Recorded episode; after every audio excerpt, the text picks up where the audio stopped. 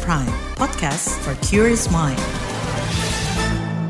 Halo saudara, senang sekali kami bisa menyapa Anda kembali melalui program KBR Sore edisi Jumat 1 Maret 2024. Saya Sindu Darmawan akan menemani Anda selama kurang lebih 30 menit ke depan. Saudara Hari Tanpa Diskriminasi Sedunia atau Zero Discrimination Day diperingati Saban 1 Maret atau tepat hari ini. Target gerakan tersebut adalah tak ada lagi diskriminasi di seluruh sektor pada 2030.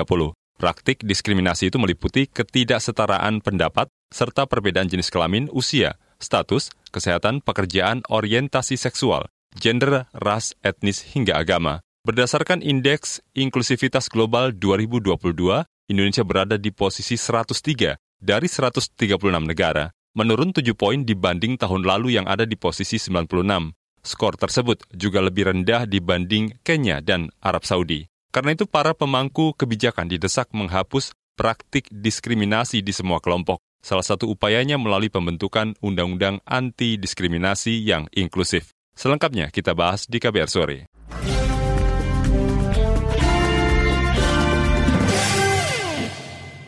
Saudara pemerintah mengeklaim berkomitmen untuk mewujudkan kesetaraan dan menghapus diskriminasi terhadap kelompok rentan. Deputi Bidang Pembangunan Manusia Kantor Staf Presiden, Abednego Tarigan mengatakan, wujud dari komitmen itu antara lain dengan terbitnya sejumlah payung hukum untuk melindungi kelompok rentan. Salah satunya, perlindungan terhadap anak dan korban kekerasan seksual.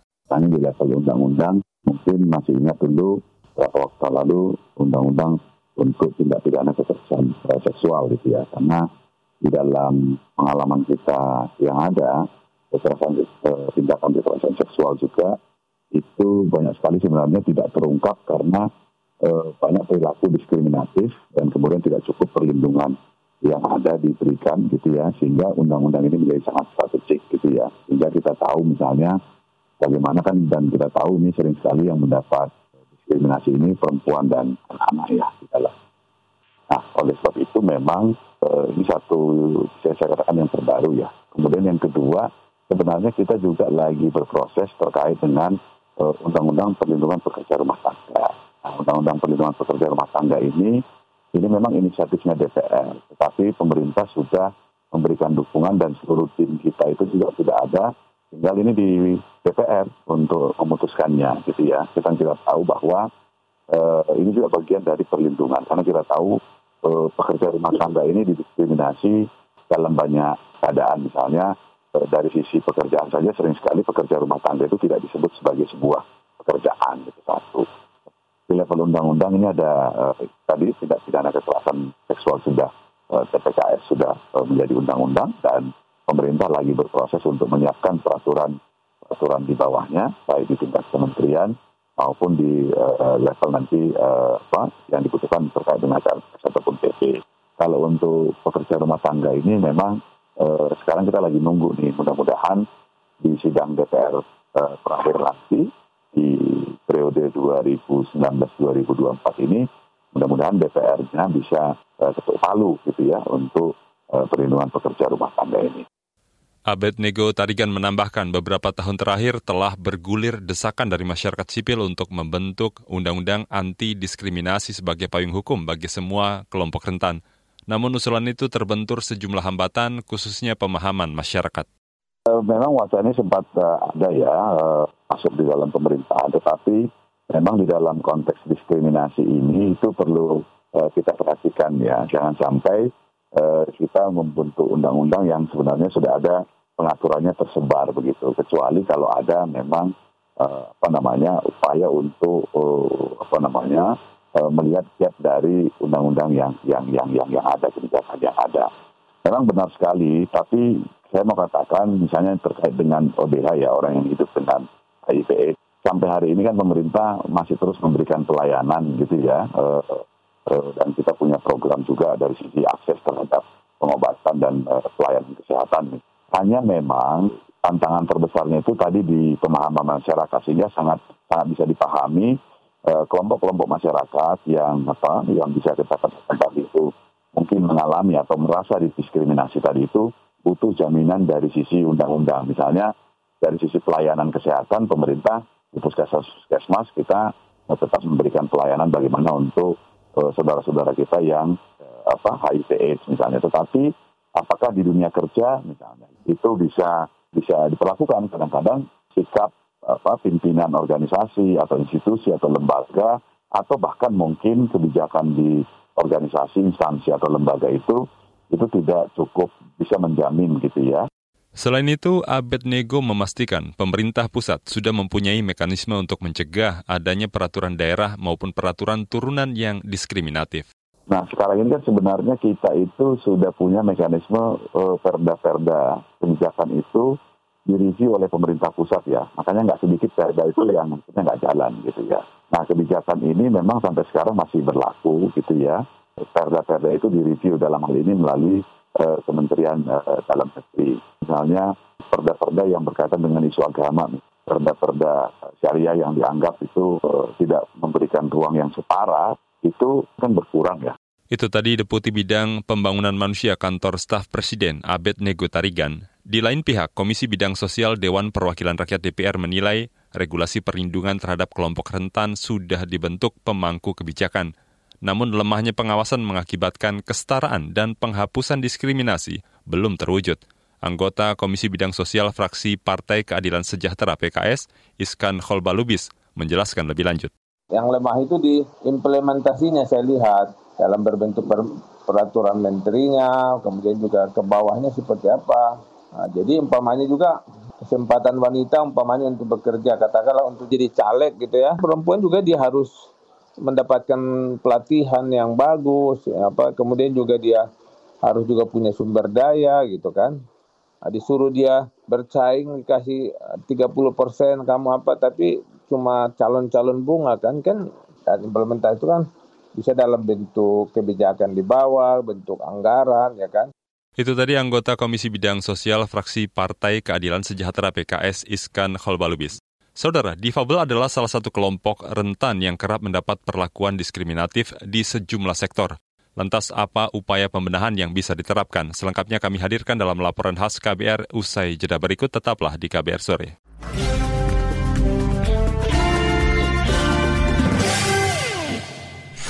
Commercial break.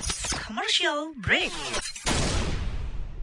Buat kamu yang always hektik, apalagi di kantor yang toxic, working gak ending-ending, ditambah si bos yang grumpy, bikin salty. Apaan tuh artinya, Neng? Artinya si bos cerewet dan bikin bosen. Oh. Join yuk di KBR Pagi, siaran pagi radio paling update, menghadirkan berbagai informasi yang paling update dan terkini, ditambah playlist yang lit and chill. Apaan lagi ini artinya, Neng? Rese. Artinya keren dan menyenangkan. Oh iya iya. Simak KBR Pagi setiap Senin sampai Jumat, mulai pukul 7 pagi, di radio jaringan KBR dan podcast kbrprime.id. You're listening to KBR Pride, podcast for curious mind. Enjoy!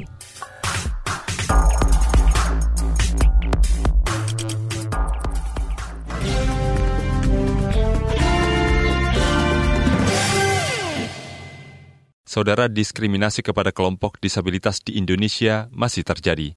Dari belum terpenuhi hak-hak mereka, hingga masih banyak fasilitas publik yang tidak ramah disabilitas.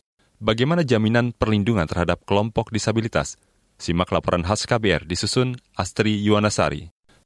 Ada lima kertas surat suara dan di sana sangat uh, banyak ya tertulis uh, nama partai dan juga nama-nama calon. Nah untuk saya seorang disleksia, saya masih kesulitan ya untuk menemukan nama meskipun saya sudah punya pilihan gitu karena nomor sangat banyak, oh kotak juga sangat banyak. Dante Rikmalia menceritakan pengalamannya ketika mengikuti pemilu 14 Februari lalu.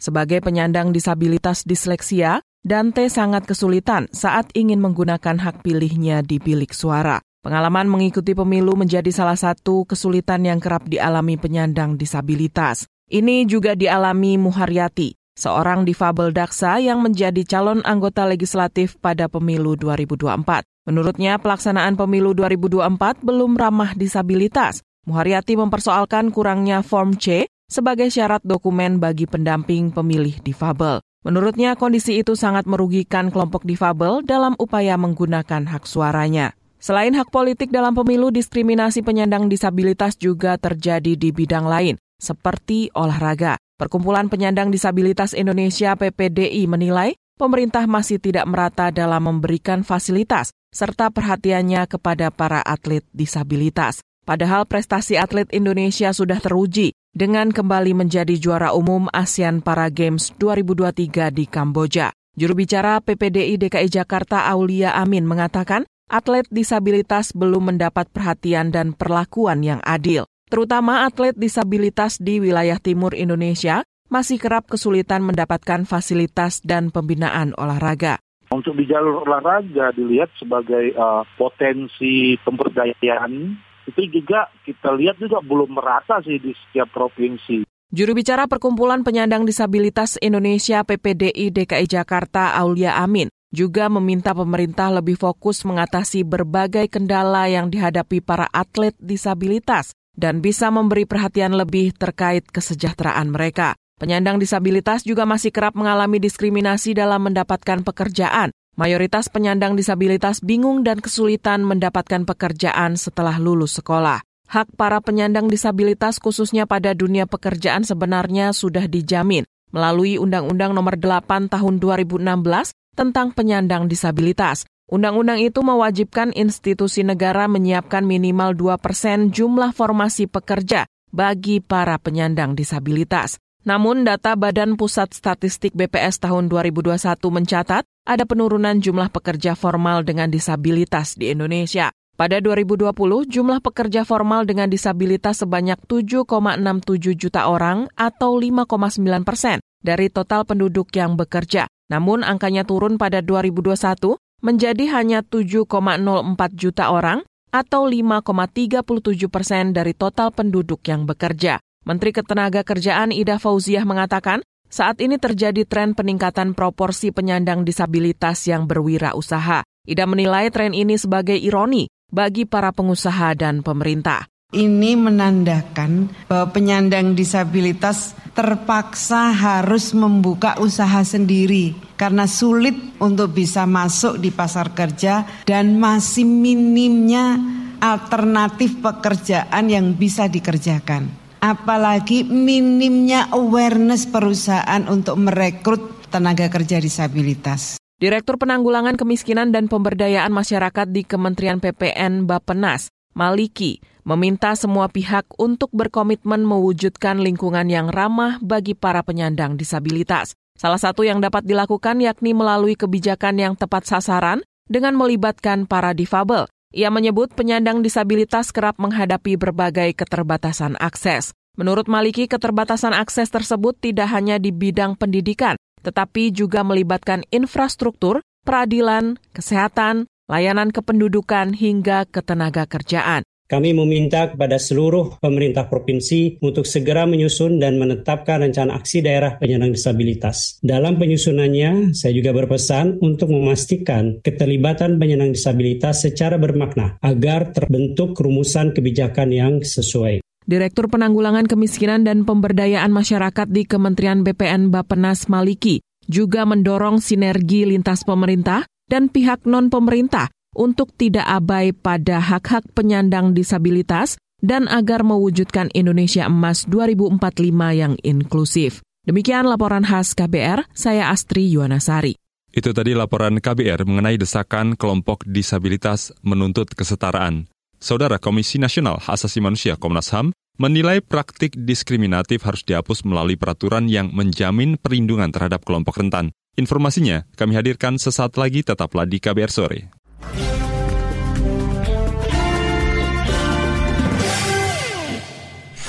Commercial break. Commercial break. Suka galau ketinggalan berita di tongkrongan? Iya. Penasaran sama trending topik sepekan tapi bingung kudu ngapain? Iya. Makanya dengerin FOMO Sapiens dari KBR Prime setiap Jumat. Iya. Iya, iya. Uh. Jalan pintas yang gak bakal bikin kamu ketinggalan berita atau peristiwa di sekitar kamu. Bareng Eki Priagung dan Aika. No more fear of missing out, peeps. You're listening to KBR Pride, podcast for curious mind. Enjoy!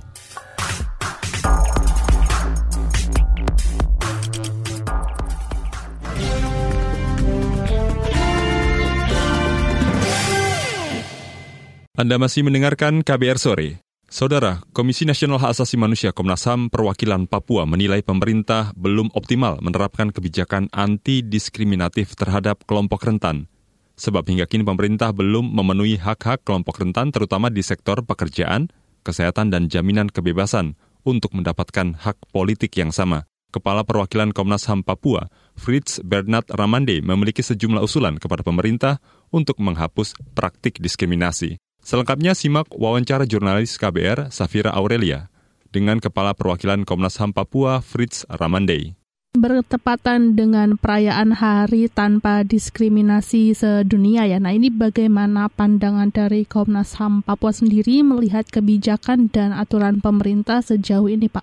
Uh, kalau kita melihat ya ini bukan soal pikir tapi melihat. Melihat ini kan dalam konteks membaca regulasi yang ada ya. Kalau kita membaca regulasi pemerintah punya niat apa punya komitmen untuk memfasilitasi kelompok-kelompok marginal kelompok rentan ya. Misalnya soal kelompok perempuan dan anak sudah ada undang-undang. Lalu kelompok disabilitas juga mereka juga sudah punya komisi. Nah di lembaga-lembaga negara juga mereka sudah diberi kuota tuh di lembaga-lembaga itu. Artinya apa? Bahwa dari aspek komitmen politik itu sudah ada komitmen ya. Dalam konteks Papua memang diskriminasi itu tidak terjadi karena kebijakan. Bukan. Tapi diskriminasi itu dia sifatnya sektoral. Misalnya soal undang-undang partai politik. Nah, orang Papua tidak bisa terakomodasi secara baik di dalam lembaga-lembaga partai politik. Misalnya kita lihat di DPR RI itu mayoritas wilayah Papua itu diisi oleh orang non Papua. Itu. Jadi tidak ada gerakan afirmasi secara nasional untuk misalnya orang Papua itu satu. Yang kedua, dalam konteks regulasi undang-undang otonomi khusus itu dia sebenarnya khusus yang berlaku umum. Jadi misalnya orang Papua tidak punya partai politik, dia kemudian um, beberapa peraturan daerah perdasi perdasus itu tidak bisa menggugurkan undang-undang secara nasional. Jadi upaya proteksi orang Papua itu dia masih harus diuji secara nasional. Yang terakhir ini soal kuota dalam mengisi kesempatan kerja secara nasional dan internasional lapangan-lapangan kerja. Uh, perlukah pemerintah ini membuat suatu aturan atau undang-undang anti diskriminasi untuk uh, mengurangi tindakan-tindakan tersebut? Saya pikir undang-undangnya sudah ada ya. Ini soal pengawasan dan implementasi implementasinya ya, soal pengawasan dan implementasi itu yang jadi problem gitu. Kesempatan kerja itu sudah ada. Lalu untuk kelompok-kelompok rentan ya, kelompok-kelompok rentan itu kan perlu gerakan, gerakan diskriminasi positif. Itu problem di situ yang harus dibangun dalam sebuah peraturan yang lebih lanjut. Tapi kalau dari segi regulasi secara nasional kita sudah punya. Tapi bagaimana gerakan diskriminasi positif untuk mengakomodasi kelompok-kelompok rentan itu sehingga tidak terjadi diskriminasi itu sendiri. Mbak. Terkait dengan uh, diskriminasi ini juga kan kerap kali uh, digunakan uh, oleh pihak-pihak tertentu mendekati tahun-tahun politik ya. Nah ini uh, bagaimana desakan atau uh, dorongan ke depannya agar uh, kelompok-kelompok rentan ini tidak hanya dijadikan bahan untuk meraup suara di uh, politik saja Pak? Ya karena itu undang-undang partai politik kita itu harus bisa dirubah. Harus bisa dirubah sehingga mengakomodasi kelompok-kelompok rentan. Kita jarang sekali lihat di parlemen itu ada kelompok uh, kelompok rentan ya. Misalnya orang disabilitas jarang sekali kita ketemu di lembaga legislatif. Karena itu perlu perubahan sehingga tidak hanya kelompok itu tapi juga bagaimana mengakomodasi masyarakat lokal. Masyarakat lokal itu bisa duduk di parlemen yang beragam itu. Itu penting karena jangan sampai kemudian orang orang luar macam di Papua itu ada satu wilayah yang di Merauke itu orang asli Papua dari dari 54 kursi dari 45 kursi orang Papua hanya tiga orang nah, itu gimana itu ada dari proses rekrutmen politik itu kan sudah sudah ada nuansa diskriminasi. Oke, bagaimana harapan uh, Komnas HAM ke depan uh, kepada pemerintah ataupun uh, hal lainnya agar tindakan diskriminasi ini tidak kembali terjadi? Dalam konteks partai politik, rekrutmen partai politik, undang-undang partai politik harus dirubah. Satu. Yang kedua, perubahan itu supaya mengakomodasi orang lokal tapi juga kelompok rentan di parlemen. Itu undang-undang partai politiknya harus dirubah sehingga kuotanya jelas. Kuotanya jelas itu dari rekrutmen sampai penetapan. Itu satu. Yang kedua, untuk kelompok rentan yang lain memang perlu pengawasan terhadap undang-undang anti diskriminasi itu. Itu kita harus punya undang-undang itu sehingga perlu pengawasan lebih efektif begitu. Itu tadi perbincangan jurnalis KBR Safira Aurelia dengan Kepala Perwakilan Komnas HAM Papua, Fritz Bernard Ramandei. Saudara, Koalisi Masyarakat Sipil memiliki catatan soal berbagai bentuk diskriminasi yang dialami kelompok rentan. serta upaya memperbaikinya. Selengkapnya sesaat lagi di KBR Sore.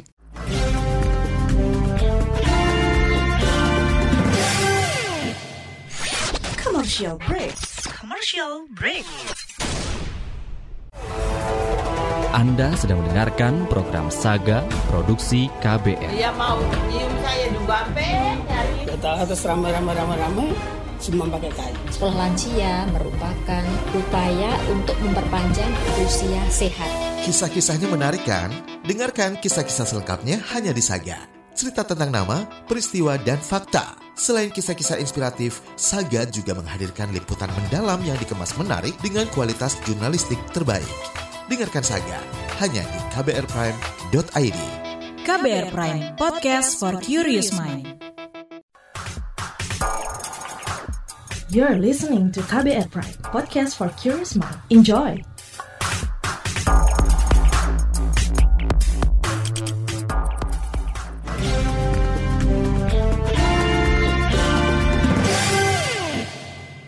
Anda masih mendengarkan KBR Sore. Saudara Koalisi Nasional Hak Kelompok Rentan Anti Diskriminasi atau KAIN menilai saat ini masih banyak peraturan-peraturan yang tidak ramah terhadap kelompok rentan, mencakup kelompok perempuan dan masyarakat adat. Apa saja peraturan yang masih diskriminatif itu? Simak wawancara jurnalis KBR Rangga Sugeri bersama Deputi Direktur Eksekutif Pusat Studi Hukum dan Kebijakan Indonesia PSHK. Hari ini kan 1 Maret diperingati sebagai Hari Anti Diskriminasi ya Mas. Apa saja ya Mas tuntutan ya. dari kelompok rentan termasuk payung hukum yang dibutuhkan saat ini gitu Mas? Ya, bicara mengenai kelompok rentan ya, terutama konteksnya anti diskriminasi di Indonesia memang e, sampai sekarang praktek-praktek diskriminatifnya masih terjadi gitu ya. Kalau perlindungan dari segi aspek hukum memang bicara mengenai undang-undang misalkan sudah ada beberapa undang-undang yang fokus kepada beberapa kelompok rentan ya. Misalkan anak, lalu disabilitas gitu ya walaupun kita masih menunggu nih DPR terkait dengan masyarakat adat misalkan. Nah, tapi kemudian memang eh, segala peraturan tersebut eh, pada dasarnya harusnya sudah bisa dilaksanakan melalui berbagai kebijakan, terutama dalam konteks pelayanan publik ya. Jadi eh, undang-undang yang ada sebenarnya semangatnya harusnya ambil saja langsung dari konstitusi misalkan. Bagaimana kemudian pasal-pasal tentang hak itu sudah sangat tegas ditunjukkan bahwa tidak boleh ada yang dibeda-bedakan gitu ya, terutama dalam konteks uh, pelindungan oleh negara. Lalu saat ini apakah ada undang-undang khusus gitu mas terkait dengan anti diskriminasi ini mas? Nah, kalau khusus tentang anti diskriminasi uh, tidak ada. Jadi adanya undang-undang yang anti diskriminasi terhadap ras itu adalah uh, pelaksanaan ya dari konvensi gitu ya. Jadi bukan bukan yang memang ter, uh, di luar uh, secara umum gitu tentang anti anti diskriminasi. Lalu apa dampak tidak ada undang-undang anti diskriminasi itu mas terhadap kelompok rentan sendiri mas? Ketiadaan undang-undang anti diskriminasi jadinya perjuangan untuk melahirkan lingkungan yang anti diskriminatif akhirnya dilakukan oleh secara parsial ya oleh kelompok-kelompok rentan tertentu ataupun kemudian e, menjadi sangat apa parsial dari segi aspek pembangunan aspek pemerintahannya gitu misalkan ada di undang-undang terkait dengan transportasi, ada juga terkait dengan kesehatan yang terakhir tuh. Undang-Undang 17 2023 itu menyebutkan tentang kelompok rentan dan ada beberapa perlindungannya. Hanya ternyata memang tidak semua kelompok rentan yang terlindungi. Masih ada beberapa yang bahkan eh, secara penerimaan ya dalam produk-produk hukum, dalam kebijakan-kebijakan pemerintah justru uh, terdiskriminasi ya. Lalu apa saja mas peraturan yang masih didiskriminatif ini terhadap kelompok rentan ini mas? Apa namanya melihat pada pasal-pasal tertentu gitu ya. Kalau kita lihat memang kalau catatan kami di PSHK, jadi ada beberapa kelompok rentan yang sejauh ini tuh diatur ya seperti uh, anak di Undang-Undang HAM misalkan atau ada penyebutan balita juga di Undang Pelayanan Publik lalu lanjut usia di Undang HAM, penyandang disabilitas sudah punya undang-undangnya sendiri 8 2016.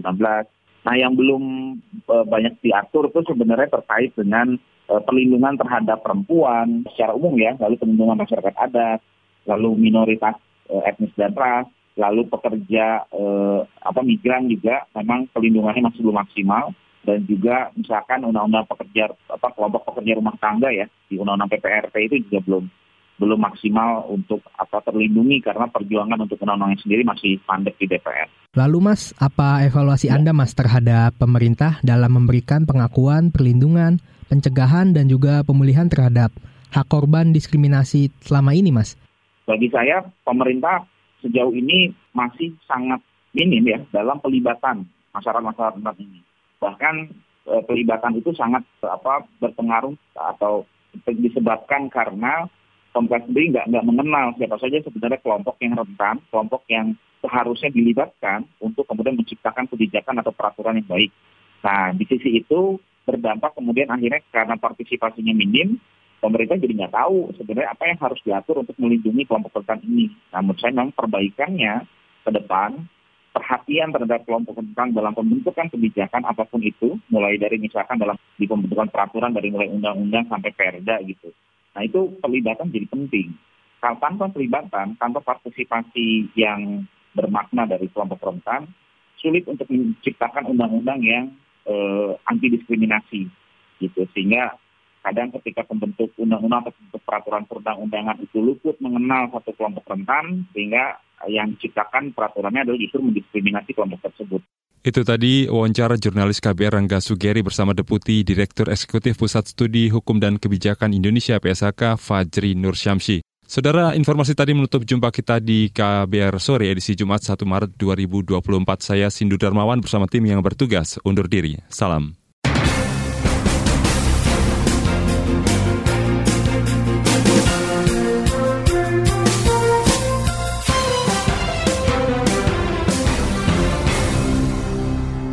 KBR Prime, cara asik mendengar berita. KBR Prime, podcast for curious mind.